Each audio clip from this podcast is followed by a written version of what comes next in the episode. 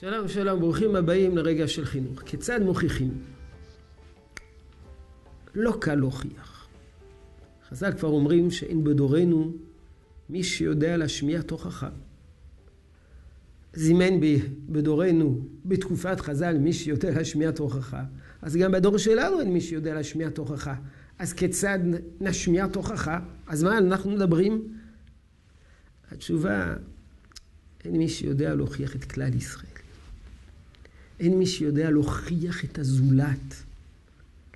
לפגוש אדם זר ולהשמיע לו דברי תוכחות שישפיעו עליו באופן מיידי.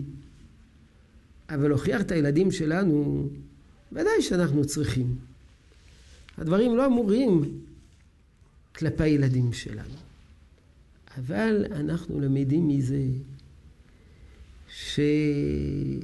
שתוכחה וביקורת זה דבר שמחייב הכנה, מחשבה, לא שולפים מן השרוול ביקורת, אלא שוקלים היטב ולומדים חוכמת הביקורת.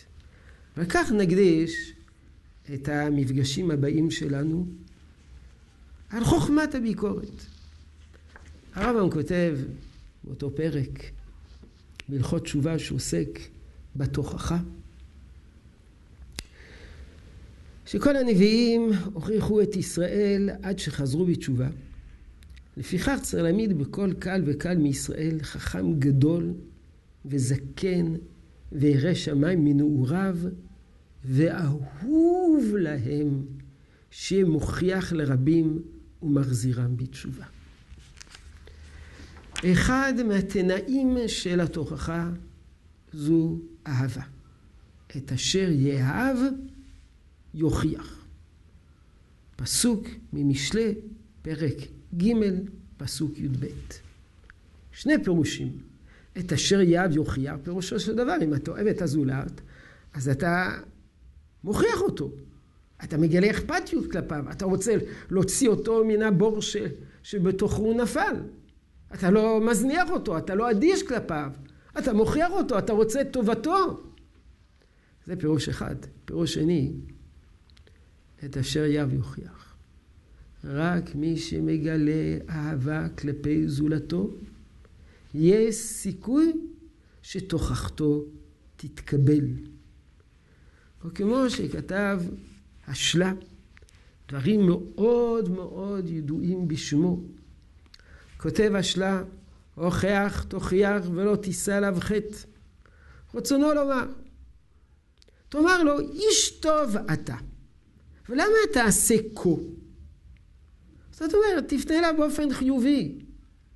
איש טוב אתה. למה תעשה כה? על דרך, אל תוכח לץ פן ישנאיך. זאת אומרת, אל תגיד לו אתה לץ, כי ישנא אותך. רק הוכיחו שהוא חכם, ואז יאהבך וישמע לדבריך. אדם מוכן לקבל תוכחה אך ורק ממי שאוהב אותו.